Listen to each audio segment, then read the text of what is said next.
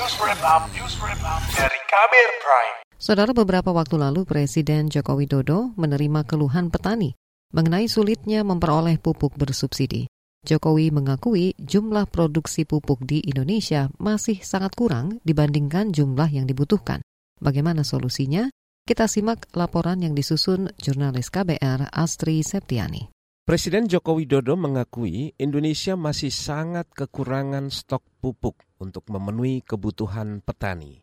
Saat ini selain harga pupuk mahal, barangnya juga langka di pasaran. Supaya Bapak Ibu semuanya tahu ya, semuanya supaya agar tahu bahwa kebutuhan pupuk di Indonesia ini harusnya 13 juta ton.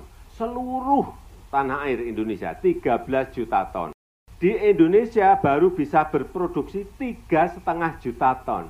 Presiden Joko Widodo mengatakan saat ini Indonesia masih impor pupuk sebanyak 6,3 juta ton. Itu pun masih belum bisa memenuhi kebutuhan pupuk nasional.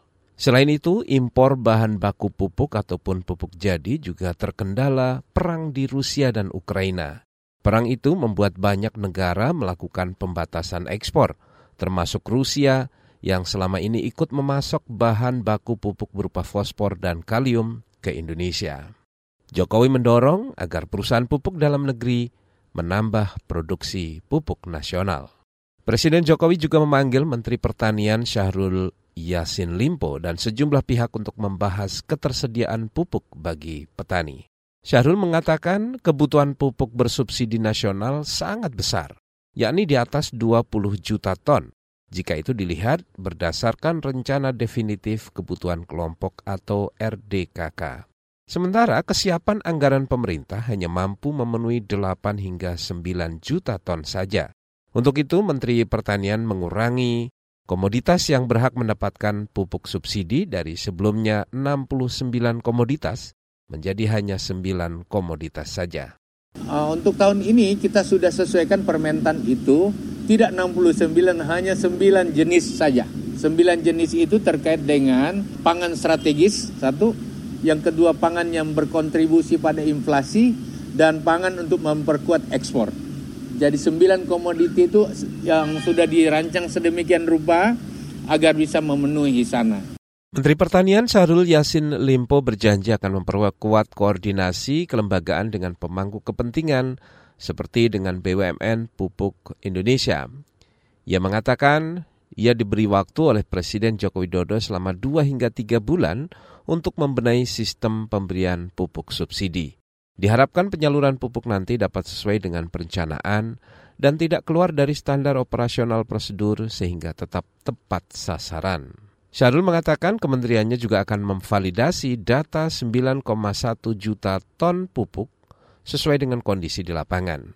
Sementara itu, Ketua DPR Puan Maharani menyoroti soal distribusi pupuk ke petani yang masih bermasalah. Ia meminta komisi di DPR yang membidangi masalah pertanian dan kementerian terkait untuk menindaklanjuti keluhan para petani yang sulit mendapatkan pupuk akan meminta melalui komisi terkait juga melalui kementerian terkait ya untuk segera mencari solusi terkait hal ini. Tapi tadi stok barang dan lain-lain di Pusri saya rasa cukup untuk kemudian di, diberikan kepada petani bahkan bagaimana penyediaan bahan baku dan distribusinya langsung ke lapangan juga ada. Jadi pasti ada satu hal yang kemudian menjadi kendala atau menjadi masalah di tengah-tengah sampai sebelum kemudian sampai ke petani. Jadi ini yang harus kita segera di lain pihak, pengamat pertanian dari Asosiasi Ekonomi Politik Indonesia, Hudori, mempersoalkan tingginya ketergantungan Indonesia terhadap pupuk maupun bahan baku pupuk dari luar negeri. Hudori mendorong pemerintah memfasilitasi agar petani beralih memproduksi dan menggunakan produk pupuk organik dalam negeri. Ini dinilai bakal membantu mencukupi kebutuhan pupuk di tanah air, sekaligus mengurangi ketergantungan terhadap impor pupuk organik itu secara teknis sebetulnya sangat mungkin diproduksi oleh masing-masing petani. Bahan bakunya ada di sekitar mereka gitu dan secara produksinya pun tidak terlalu rumit. Gitu. Nah, cuman memang praktek selama ini itu petani belum banyak melakukan itu. Dan ini kalau kita kaitkan dengan lahan-lahan kita, terutama yang di Jawa ya, lahan sawah kita, itu sangat butuh sekali untuk dipulihkan kesuburannya. Itu. Salah satunya adalah dengan menggunakan pupuk organik. Demikian laporan khas KBR yang disusun jurnalis Astri Septiani. Saya Agus Lukman. Kamu baru saja mendengarkan news wrap up dari KBR Prime.